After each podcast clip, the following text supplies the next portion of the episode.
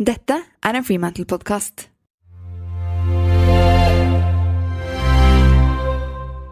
At du faktisk vet at det du driver med, makes sense. At det har en verdi for det samfunnet som man er en del av. For meg er det den, kanskje den viktigste drivkraften.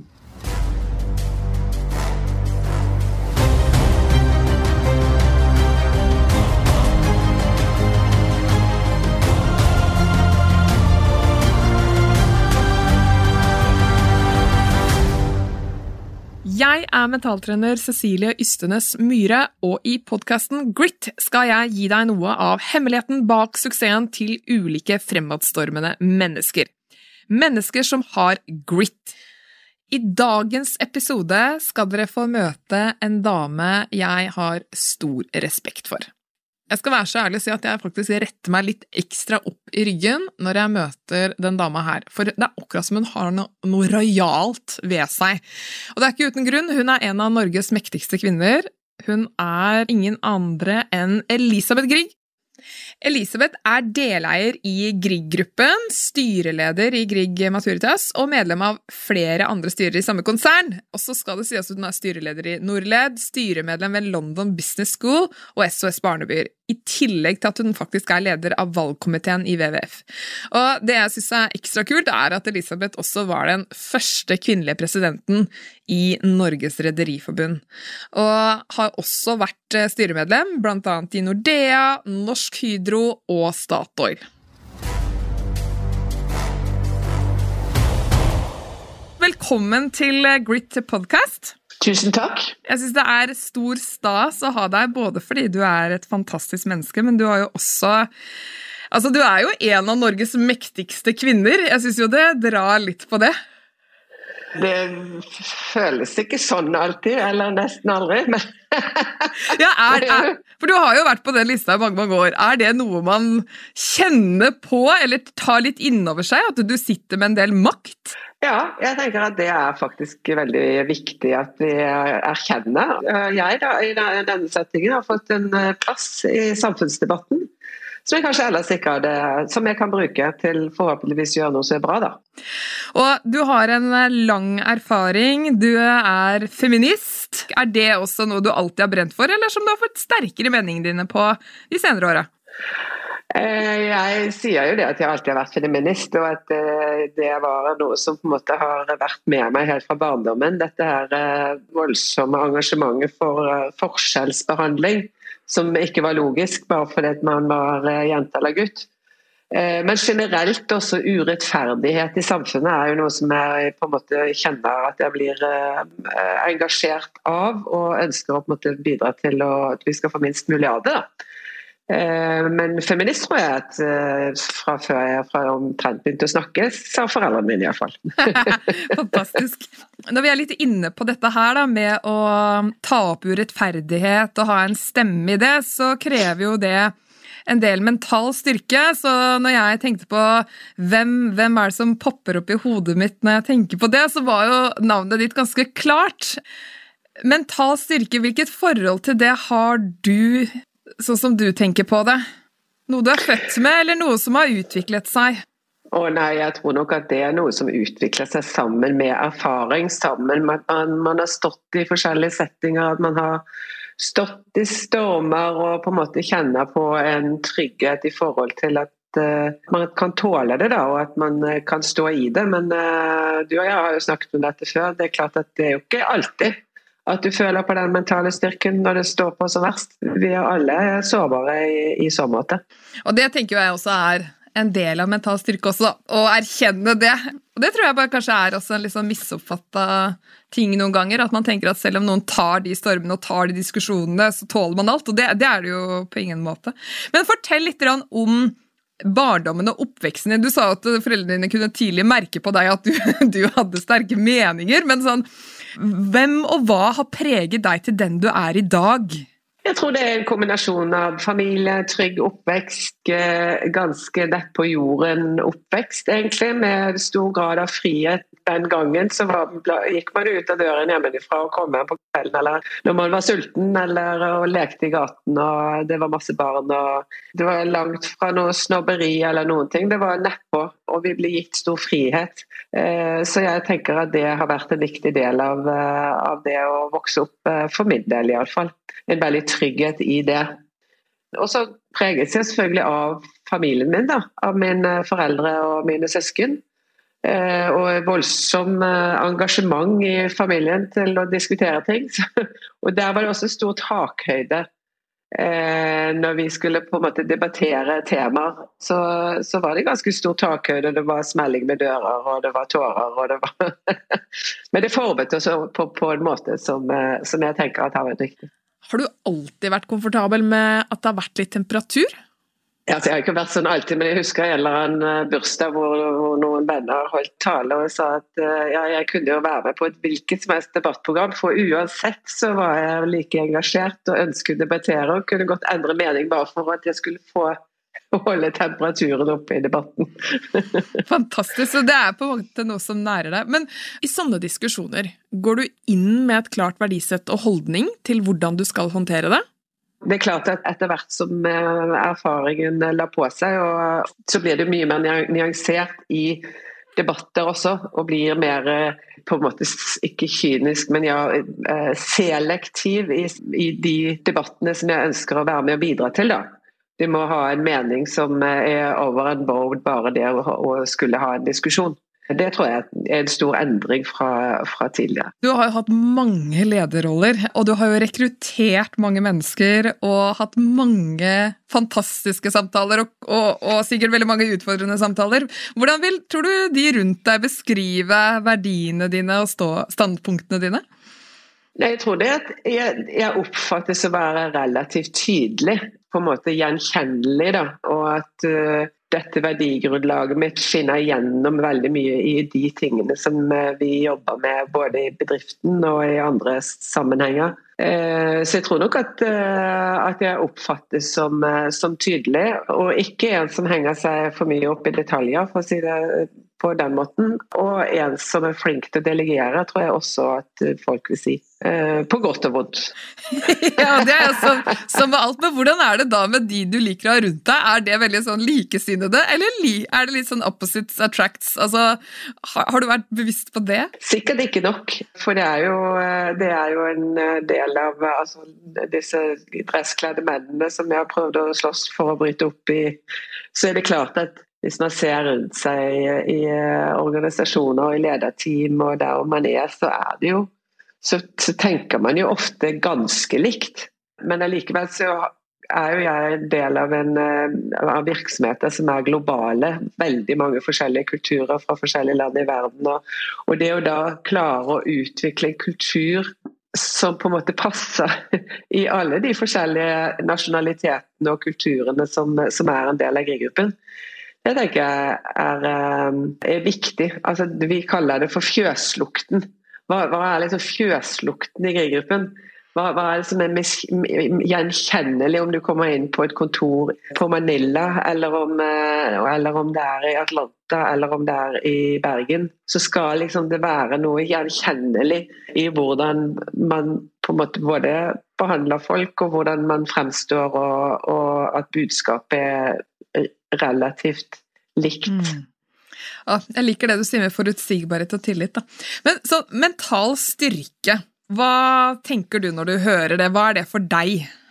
Altså det er klart at Jo tydeligere overbevist man er om at man er i en retning som er riktig, si at du står i en veldig krevende tid, da, eh, og det er eh, ganske mørkt rundt deg, da er det jo det å klare å finne den retningen som gjør at du kan stake oss ut av Eh, av krevende situasjoner. Jeg tenker at det krever eh, mental styrke. Da gjelder det å også være fysisk eh, godt trent. ha gå ut og få frisk luft, være ute i naturen. Jeg tenker i disse tider, Med dette året vi nå står midt oppi, så er det å gå ut og få lys og luft er ekstremt viktig for at vi skal opprettholde any form av mental styrke, tror jeg. Og du er jo i en bransje som eh, går gjennom noen heftige endringsprosesser og har gjort det i veldig mange år, og også veldig sånn sterkt mannsdominert. Det, synes jeg, det er jo interessant å ta til, for det, det sier noe om dynamikken som du har måttet forholde deg til. Hvor viktig har mental styrketrening vært i karrieren din, Elisabeth? Jeg tror at uh, det som jeg kaller motoren i magen min, drivkraften for at jeg står opp om morgenen, altså denne uh, lucky person gets up in the morning, put the feet on the floor, and know what they're about to do and think that it still matters. Og Det tenker jeg er en enorm drivkraft for å få ting gjort. At du faktisk vet at det du driver med makes sense. At det har en verdi for det samfunnet som man er en del av. For meg er det den, kanskje den viktigste drivkraften. Og når har den blitt satt mest på prøve? Kan du tenke tilbake på noen eksempler? Det er klart Innimellom så, så stiller man seg jo spørsmålstegn driver jeg med de rette tingene. Bruker jeg da min eh, da, drivkraft eller motor i magen, eller eh, bruker jeg det på rette områder? Og Der har man jo av og til stilt seg spørsmålstegn ved er, er eh, absolutt det der å skulle drive med f.eks. med shipping, eller med akkurat de tingene som vi driver med i GRI-gruppen, eller akkurat si ja til det eller det styrevervet eller den og den foredraget, så er det av og til man liksom tenker er det det, er jeg god nok nå? Og det er klart at det sekundet du begynner å tenke det, så er du ikke det. Da er du ikke god nok. Og Da må man på en måte gjøre justeringer for å komme back on track, eller uh, finne noen som er bedre til å gjøre den jobben enn dette. Disse justeringene dine, det ble, de ble nysgjerrig på da. Hvilke justeringer gjør du da, bortsett fra eventuelt å si at en annen må ta, ta oppgaven? da, Men jeg kjenner deg såpass at jeg tror ikke det er det første som slår deg inn. Nei. Nei, men det er vel mer ikke, ikke, sånn, ikke sånn, i det daglige. Men, eh, men, det er klart at hvis det daglige blir veldig sånn repetitivt, og du ikke føler liksom at kanskje altså Jeg er rett og slett ikke den beste til å drive dette nå. Så eh, da er jeg ikke det. Og Det er da du må på en måte sørge for at man ikke går på akkord med sin egen både drivkraft, men også fordi at det gjør at da er ikke du den beste lederen i en sånn setting. Så det er klart at altså, Vi har jo vært gjennom eh, som jeg sa, det har jo vært stormer. Eh, vi har hatt finanskrise. Jeg har sittet i styrer hvor det har vært politiske oppvasker og, og store skandaler. Og det, så det har vært mange ting som har gjort deg til den du er. Og en av de tingene som jeg kanskje tenker aller viktigst, det er at du må hele tiden sørge for at du er sammen med mennesker du kan stole på.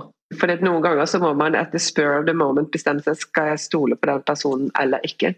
Og gjennom de stormene som jeg har stått i, fall opp gjennom, så har jeg fått noen av mine beste venner også.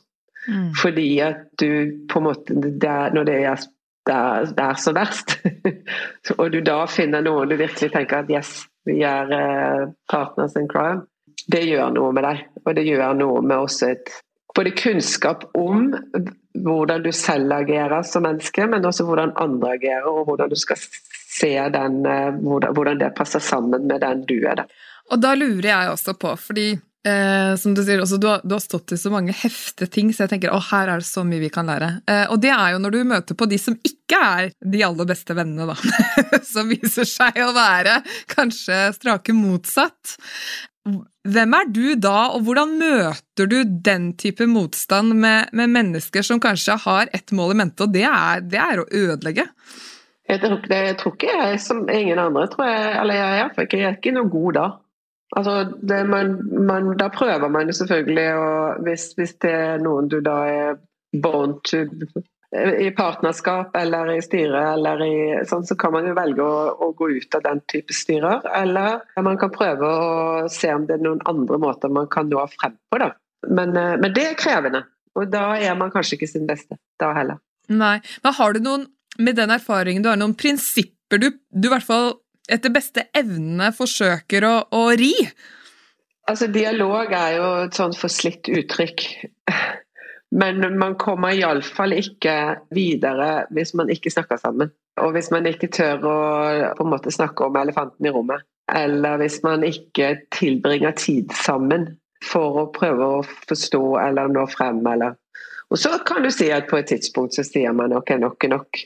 Livet er for kort. det kan også skje. ja. Hvor lenge bruker du å sitte i sånne situasjoner før du eventuelt pull the plug? Er du utålmodig der? Hvis det er egne virksomheter, så har vi vært Vi har jo vært i noen krevende partnerskap. Da var vi alle veldig tålmodige. Når det så ble Vi kom til erkjennelsen av at dette går ikke, så var det også Da friga jo det masse energi.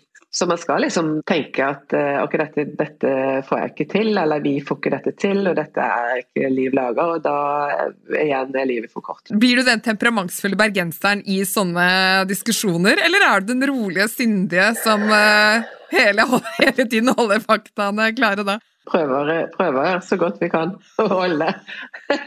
Men det er klart at vi kan bli oppfarende, eller jeg òg, absolutt. Problemstillingen med det er det at det er veldig sjelden kommer noe godt ut av det heller.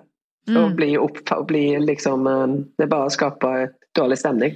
Hva synes du om dårlig stemning? Er det noe som kan plage deg? Ja. Nei, jeg er ikke noe glad i dårlig stemning. Det tror jeg mange vil si at det, det syns jeg er eh, det synes jeg er bortkastet. Men uh, man må jo noen ganger stå i det òg. Og, og, fortell litt om det, hvordan det er å stå i det. Fordi det å lede når folk vil følge deg og er enig med deg, samstemt om retning etc., det er jo fryd og gammen. Når noen ikke er det, det handler jo veldig mye om grit. Det å kunne liksom lede når ingen vil følge deg, eller få vil følge deg. Fortell om det. Ja, Det er jo en, eh, et veldig godt spørsmål som ikke jeg nødvendigvis har noe svar på. for at, uh, jeg, altså Når du er overbevist om at du skal i en retning, så må man jo prøve å finne litt sånne andre retninger. da. Her er porten stengt, her kommer vi ikke gjennom, for meningen er for forskjellig. eller vi, vi, blir ikke enige, så da må vi finne andre løsninger. og Da er det jo å prøve å finne kompromisser som ikke gjør at de, uh, det blir så mye kompromiss at det ikke blir handlingsaction. da. For det er jo det verste som kan skje, at du kommer inn i sånn stålmate. Altså sånn, eh, du mister styringsfart, da. Det er jo det, da, da har du jo kjempeproblem. Og så snakker vi litt om dette med grit, å ta de samtalene som man innimellom frykter for. Det tror jeg alle kan kjenne seg igjen i, enten det er i livet på privaten eller om det er på jobb. Men som leder så, så må man ta de. Hvordan forbereder du deg til sånne samtaler, og hva tenker du rundt de? Du forbereder, eller jeg forbereder meg jo på vel sikkert For det som, som, som, aller oftest så er det ikke bare én person. Altså Det er ikke sånn én til én, så det er alltid noen du kan diskutere med. Og jeg jo, har jo en fantastisk partner, eh, blant annet, som er en far til mine tre barn. Og vi har vært sammen alltid. Og det er klart at det å ha en trygg på hjemmebane som du kan diskutere disse litt mer krevende, sensitive tingene med, det er eh, fantastisk. Men ellers også, så tenker jeg at jeg har, jeg har mange og opplever vel at vi, vi, har team som gjør at du ikke føler deg så alene. Da. Men det er klart at noen ganger så er det ganske alene. Skipstedt bedrift er min annonsør, og jeg har tenkt litt på dette med viktigheten av å både ha lokale og nasjonale nyheter, spesielt nå i pandemien, hvor det er veldig mange ting som er spesifikt nyttig for det området du bor i. Og det gjør at man til enhver tid kan vite hva som skjer, og hele tiden gjøre valg og beslutninger litt ut fra det i businessen. Så Derfor er det veldig bra at Skipsted bedrift har lansert et nytt digitalt bedriftsabonnement som heter Full tilgang, og som gir digital tilgang til alle nyhetskildene deres. Så ikke gjør som jeg gjorde før, som bestilte meg et bedriftsabonnement her og der. Gå inn på Skipsted og se at du kan få et fullt abonnement på både Aftenposten, VG, E24, Bergens Tidende og Stavanger Aftenblad. Du kan også få et uforpliktende tilbud tilpasset din bedrift. Gå inn på bedrift.skiftet.no for å finne ut mer. Men du, når ting er skikkelig utfordrende, hvordan mobiliserer du da? Jeg tror det er to ting. Det ene er en slags sånn eh, modus operandum. på en måte, At eh, ok, nå må vi bare konsentrere oss om dette. Alt annet må vi liksom på en måte isolere bort, for nå er det dette som er eh, det viktigste vi skal løse. Eh, eller utfordringen vi har. Så jeg tror man går inn i en form for ekstremsituasjon. Så at, når vi startet pandemien, så gikk vi jo inn i det vi trodde var en kort periode i ekstremgreiene. Og så har jo dette gått til å bli en maraton. og mer enn det. Og da må jo du forandre moduset ditt gjennom en sånn fase da, som dette året har vært. Det har vært ganske krevende. For det, det tenker jeg at jeg kjenner på at energien er litt lavere enn den kanskje har vært. Og at dette her drar ut. Så, så jeg tror liksom Du kan ikke være i akuttfase for lenge heller. Men jeg tror i fall at det er en av de. Og det andre er dette frikvarteret som jeg stadig kommer tilbake til. Fordi at når det blir så verst, så må man liksom rett og slett lufte huet. Komme seg ut. Men dette moduset ditt, når du er i det moduset der, er det sånn at du er veldig tydelig til omgivelsene dine også da at du er i det moduset, og, og, at det er en del ting du da ikke tar imot av henvendelser? Altså rydder du veldig kalender? Er det noen sånne type ting du også gjør? Ja, Det er jo en annen ting. Altså Det å ha gode folk rundt seg som sørger for at det faktisk er mulig. Å ha en sånn type altså, perioder, da. Men, eh, og da ser man jo også hva man egentlig kanskje bruker tid på som egentlig ikke er viktig. jeg kan si nei til det, jeg kan si nei til det. Og så tenker man OK, var det så lett, liksom? ja. Eh, mm. Så, men jeg tror det er prioritering. Altså prioritering, delegering, dialog. I mest mulig grad på en måte jobbe i team. Og, og også på en måte ha en retning. Det her, dette, dette vi skal løse nå. Eh, og at den retningen på en måte forstås av flest mulig av de som eh, må forstå den. Da. For Det er i hvert fall de, en del ting som sitter igjen hos meg nå. Det er jo det du snakker om ja, som du sier, om retning. At du vet hvorfor du står opp om morgenen. Og så er det dette med folk. Du snakker ganske mye om, om folk. Eh, om alt fra samtalene med mannen din til, eh, til å ha bra folk om bord. Og så som du sier, du, du er en tydelig leder. Jeg vet bare med meg selv at jeg kan være ganske klar, og jeg vet at jeg må ha folk rundt meg da som tåler meg litt. Er du veldig bevisst på det når du rekrutterer folk som skal være tett på deg? At de, at de er trygge i seg selv og, og, tåler stormer selv? Det er jo fantastisk mye flotte folk, så flinke folk rundt forbi. Så det, ja, det er klart at man er jo bevisst på det. Og, og igjen så er man jo bevisst på det som går på liksom verdisett og sånn hos de menneskene som du da skal ha, ha som kollegaer. Så, så, det tenker jeg at er uh, viktig. Men uh, folk er jo kjempeviktig. Det er jo vi som da til sammen skal prøve å løse alle de utfordringene som vi har både skapt for kloden selv og nå trenger å løse opp i og komme oss videre. Ikke sant. Og hva er du mest stolt av? Eh, bortsett fra barna. Barna, jeg skulle til å si det! For den visste jeg kom til å komme idet jeg stilte spørsmålet. Og det er absolutt lov å si, men, men eh, ja, det, hva, hva, med de? Hva er du er kanskje mest stolt av de òg, da? Nei, fordi jeg tenker at han eh, Paul Polman, som var eh, CEO for Unilever, som er et av verdens største selskaper han har sagt at uh, If you're not here to contribute to society, why are you here? Og for meg er liksom det er en slags læresetning. Altså det at jeg på en måte jeg eh, har en purpose, jeg har en driv, jeg har noe jeg står opp om morgenen for. Og jeg på en måte ønsker virkelig at jeg kan være med på samfunnsutviklingen på en måte som gjør at jeg eh, bidrar iallfall bitte lite grann. Det er veldig stolt Kan du gi noen konkrete eksempler på det, Elisabeth? Du er jo involvert i veldig mye. Ja, altså jeg, jo, jeg var jo veldig sånn uh, tydelig på at jeg ønsket uh, Eller uh, dette feministiske ståstedet mitt om å være med og gjøre oss til et mer likestilt samfunn. Der føler jeg at jeg har vært med på noen viktige reiser opp gjennom. Jeg skrev jo en kronikk helt tilbake på 2000-tallet hvor jeg skrev om makta ikke bare for menn. Og vi kvinner ønsker ikke å stå på sidelinjen og, og bare la de ta den som ble ganske lagt merke til, og som på en måte også var sannsynligvis en av de grunnene til at Hydros valgkomité kom og spurte om jeg ville sitte i styret. Så Det var det første store styrevervet jeg fikk, og som på en måte tok meg på en fantastisk reise i uh, norsk industrieventyr, egentlig. Og lærte meg ekstremt mye det neste tiåret, hvor jeg da også ble president i Norges Rederiforbund, som var den første kvinnelige eh, og eneste til nå. Jeg håper det er en som kommer flere nå, men, eh, men eh, det jeg ble også stolt av. Og det vi fikk til i den perioden Jeg er også veldig stolt av det arbeidet vi har gjort i GRI-gruppen rundt det å bygge kultur, det å bygge vårt bærekraftprogram, det å ta ansvar og være tydelige samfunnsaktører i, i næringslivet. Det er jeg også veldig stolt av. Og så er jeg stolt av at vi er en familiebedrift med nå 18 aksjonærer gjennom 137 år.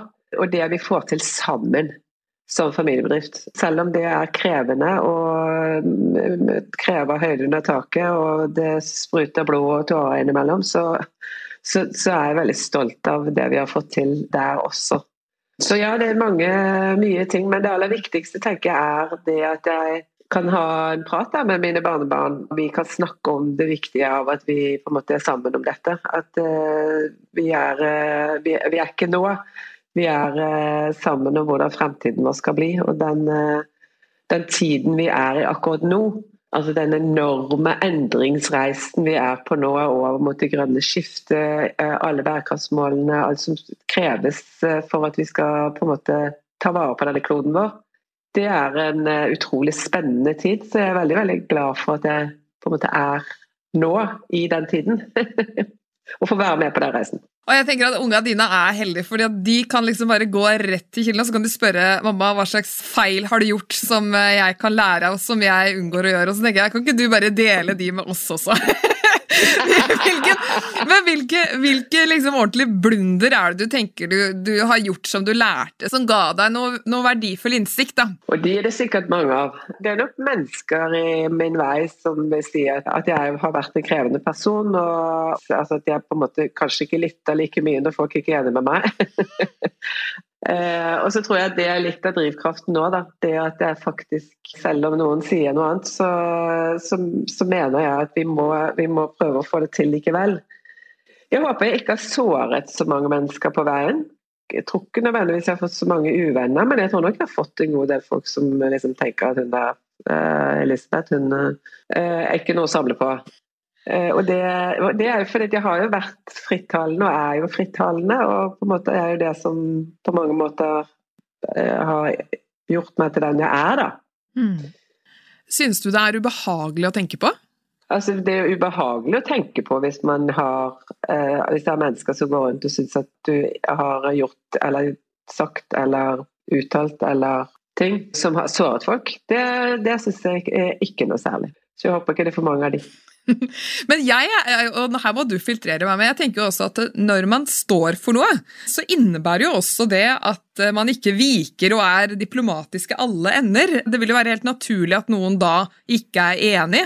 Men, men, ja, balansere dette. Men ja, da blir det jo noen diskusjoner og noen krangler, og man kan også, også såre, men du står jo da ved ditt standpunkt, og det blir jo enklere å vite hvor man har deg, tenker jeg.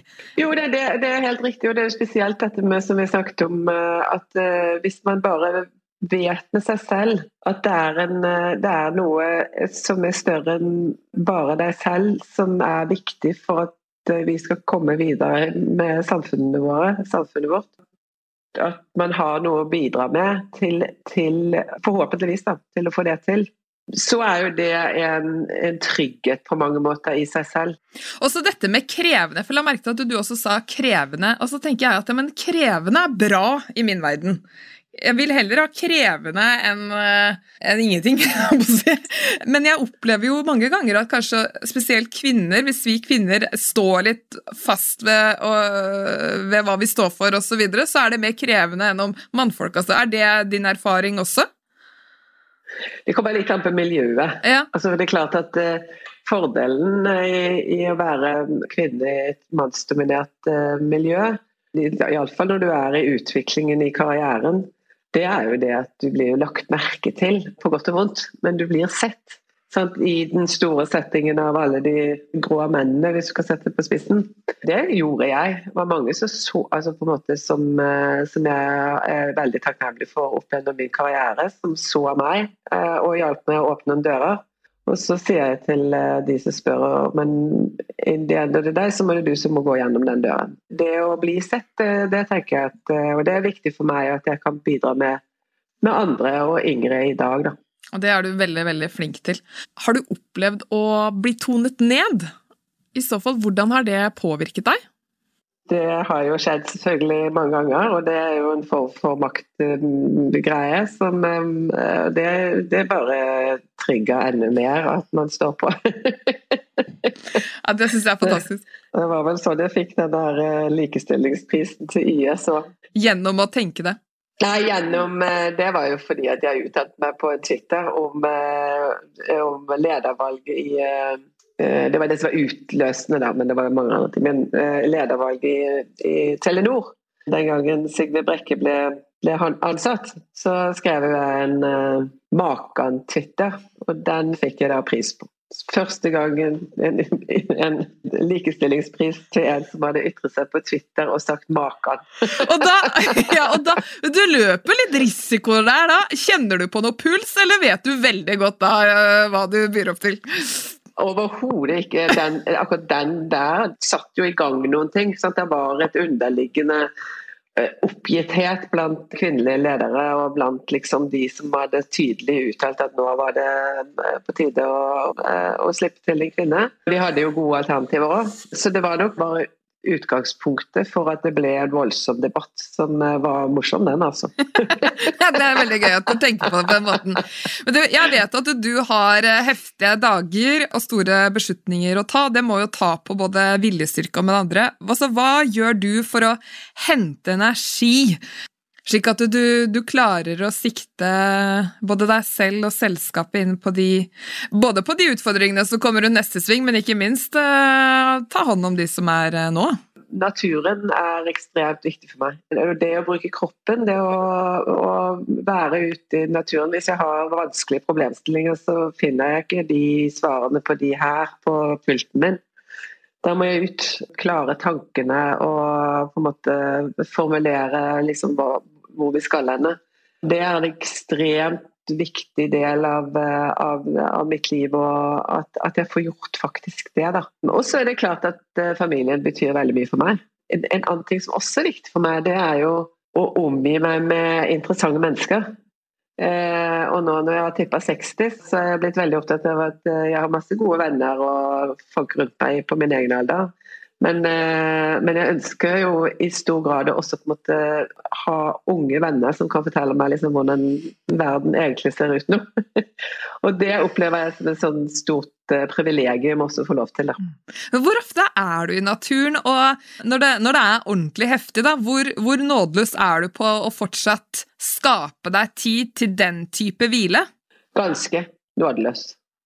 Ja, Fortell litt om det, fordi jeg jobber jo hver dag med, med ledere, og spesielt liksom up and coming, eh, både damer og menn, som nesten ikke tør å ta seg en pause. Og nesten ikke dekker primærbehov. Det er jo ganske ekstremt. Mm. Fortell, fortell, om tankesettet rundt det, for det tror jeg veldig mange har godt av å, å mm. få inn. Nei, altså, som sagt, så Vi har jo nå eh, i, i disse si, Peroni-tider. ja, vi kan døpe dem på det tidspunktet her. Eh, I disse pandemitider så oppfordrer jeg alle ansatte og alle til å gå ut midt på dagen. Ikke være altså, Don't be hero. Kom deg ut og få frisk luft og lys. Og, så jeg tror at Det er også en verdi som vi har, dette med å, å fysisk fostring og det å være, være ute. og Vi arrangerer stadig aktiviteter som skal være for, eh, for, alle. Og for egen del så er det en del av planlegging. Du skal spise, du skal gå på do, du skal trene. Det er en del primærbehov, og de, jeg, jeg, anser det som å være et primærbehov. Fantastisk. Du, i forhold til å bygge opp en robusthet det høres ut som du også har vært heldig med familien din, de trygge omgivelsene, men, men de heftige diskusjonene ja, hvor dere har eh, hva skal jeg si, Du sa, sa, det så bra selv, dette med å ikke ta seg selv så høytidelig. Veldig jordnært miljø. Det skaper så fine rammer for det å bli robust. Men hvis du skulle gi noen råd til lytterne på hvordan utvikle robusthet i dagens samfunn, med de utfordringene vi har, hva, hva tenker du er viktig da? Det er vel litt sånn count your blessings-type ting. Sant? At uh, Start dagen med å tenke at uh, hva jeg har å være glad for. Det er sånn uh, veldig naive greier, men det er litt sånn Pippi-aktig. Men det er faktisk uh, På kaffekoppen så står det fra Pippi at hvis du er veldig, veldig sterk, så må du også være veldig, veldig snill. Altså Litt sånn naiv greie om at Ja, om at man har noen sånne forankringer i bånn der du har ting å være glad for. Det er nå det ene. Og så er det å ta disse pausene. disse time off-greiene som uh, jeg ikke kan få håper å si, anbefalt nok. For jeg tror at sånn som de første ukene etter pandemien støkk, så da, det, det, skal sies, da satt jeg på, på pulten 24-7 i to uker. Altså da var det jo For da skulle det jo på en måte Det var jo beredskap mer eller mindre. Men ellers at det er faktisk 24 timer i døgnet. Det er plass til eh, å ha litt egentid. og, og snarere da noe som gjør at du holder eh, over tid. Sånn eh, going forward nå post pandemi, det kommer jo til å komme en sånn recovery-fase på et tidspunkt. Hvordan kommer du til å bruke tiden framover og etter denne pandemien til å ja, tenke framover og dra maks læring? Ja, det, det, det, skal jo bli, bli, spennende. Først så skal det bli en enorm lettelse, tenker jeg. Du skal sånn, feire? Ja. Oh, feire. Tenk å, kunne, tenk å, kunne, gå ut på restaurant og ta et glass vin med venner uten å tenke på at man sitter for nærme. Tenk å gå på en festival. Tenk å eh, ligge på en eh, DNT-hytte langt inne i skogen tett i tett med andre mennesker. Altså, det er mange gleder man kan se frem til. Å få lov til å sette seg på et fly igjen og kanskje dra et sted hvor, det, ja, eh, hvor man har lyst til å være. Så det tror jeg vi skal gi oss lov til å liksom feire litt, da. Eh, og, så, og, så, tenker jeg at vi er eh, altså, ekstremt privilegerte som bor i dette landet. Og jeg er fullstendig klar over at det er veldig mange som ikke har det bra. Og det er høy arbeidsledighet, det er barn som lider. Og jeg tenker at Det viktigste vi skal gjøre, er jo på en måte å, sørge for at det ikke kommer type senskader av denne tiden. Fordi at de unge har betalt den dyreste prisen, tenker jeg da, for dette året. Og, og, det tenker jeg at det er viktig at vi, mens vi har brukt opp en stor del av deres penger, for å sørge for at vi kommer best mulig ut av det også økonomisk i, i Norge, men eh, snakker om klokskap. Tenk på den beslutningen om å, å få inn handlingsregelen da, i, eh, i, norsk statsbudsjett. Det, det, er jo noen kloke beslutninger opp igjennom som eh, vi kan være utrolig glad for. Stort sett så er vi ekstremt privilegerte, og da igjen så kjenner jeg veldig på det det ansvaret og det ønsket og den drivkraften om at eh, da må vi brette opp ermene, og så skal vi se hvor de største utfordringene ligger, og så skal vi være med på det. Du, Med det, Elisabeth, så varmt takk for at du tok deg tid i det jeg vet er sinnssyke tider nå. Og ja, jeg er helt sikker på at veldig mange av de tingene du har kommet med, vil gi stor verdi for lytterne. Tusen, tusen takk. Nei, men Tusen takk for at jeg fikk lov å komme. Det er alltid like kjekt å snakke med deg. Elisabeth deler i denne episoden mange råd og tips til deg som lytter, om hva du kan gjøre for å optimalisere deg selv og finne mot til å få ut potensialet ditt. Jeg synes Det som er slående inspirerende ved Elisabeth, er at hun har, etter så mange år på toppen av både norsk og internasjonal næringsliv, en unik kombinasjon av både trygghet, tydelighet, selvtillit, men en fortsatt god nysgjerrighet, ydmykhet og varm imøtekommenhet i møte med alle mennesker hun møter på sin vei.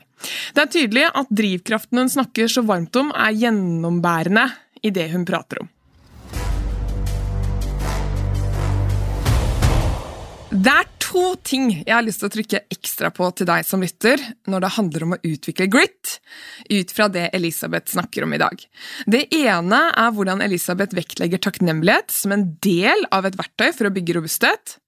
Og det andre er viktigheten av å skape seg hvilerom i hverdagen, rett og slett fordi det er helt essensielt for å bygge et lager av reserver når presset kommer.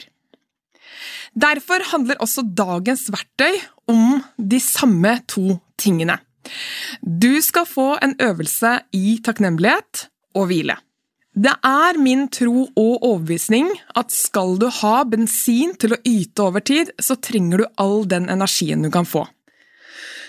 Takk er én størrelse, enda større er begrepet takknemlighet.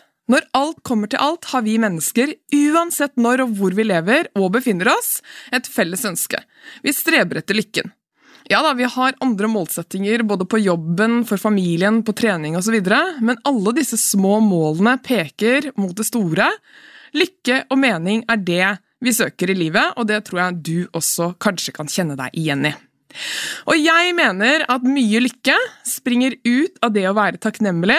Det setter et perspektiv, og det gjør deg mer robust, som Elisabeth også sier. En god venn av meg formulerer det veldig fint. Stopp opp innimellom. Prøv ikke tenke så mye på fremtid eller fortid, bare vær takknemlig for det du har nå, i dette øyeblikket. Og du, det å kjenne på hva nå-øyeblikket bringer av takknemlighet, handler om oppmerksomhet og fokus, som det også er blitt forsket veldig mye på de siste årene. Blant funnene er at oppmerksomhetstrening gir faktisk biokjemiske utslag som påvirker hele systemet vårt og gir en mindful tilstand. For eksempel, når du mediterer, så øker du faktisk kroppens utskillelse av antistresshormoner, bl.a. stoffene dopamin, serotonin, som er stresshormonenes adrenalin og kortisols rake motsetninger, og som skaper en følelse av indre ro og tilfredshet. Og det trenger vi skal vi utvikle grit. Så hjernen din har godt av oppmerksomhetstrening, og denne type øvelser gjør at aktiviteten i høyre pannelapp, som styrer følelser som irritasjon, sinne, angst, depresjon og avsky, forskyves til venstre pannelapp, som styrer følelser som entusiasme, nysgjerrighet, glede og lykke. Som vi trenger igjen når vi skal utvikle grit. Så hva skjer jo da? Jo, du blir rett og slett lykkeligere, gladere. Og Helt til slutt nå, det som tyder på at oppmerksomhetstrening gir deg tykkere hjernebark i de områdene som styrer avansert tenkning og planlegging, er at det også har en gunstig påvirkning på samarbeidet mellom hjernehalvdelene våre. Neste gang du lurer på om det er lurt å stoppe opp, kjenne etter, gripe øyeblikket, si takk. Det er vel egentlig ikke noe å lure på. Så hva blir planen ut fra dette resonnementet? Jo, jeg utfordrer deg fram til neste ukes episode av Grit at du legger inn i kalenderen én liten pause hver dag der du står, sitter eller ligger, og starter med å legge til side alle ting, lukke øynene, trekke pusten, gjerne inn på fire tellinger, holde pusten på to tellinger og puste rolig ut på seks tellinger. Så fortsetter du med dette til du kjenner at pulsen roer seg, og disse antistresshormonene begynner å gjøre seg gjeldende. Og så kan du avslutte øvelsen med å tenke gjennom to ting som du er takknemlig for. Etter en ukes trening så kan du jo rett og slett ta en evaluering og se hva har det gjort med deg, hva er de positive erfaringene med det, hva er de utfordrende erfaringene med det, og så ser du om dette er noe du kan gjøre mer eller mindre over tid. Lykke til! Ønsker du å lære deg flere verktøy som det du akkurat hørte i denne episoden, eller i de andre GWIT-episodene, så finner du det i Cecilies nye bok som heter Stå støtt, og som du kan kjøpe i en nettbokhandler eller en fysisk bokhandler nær deg.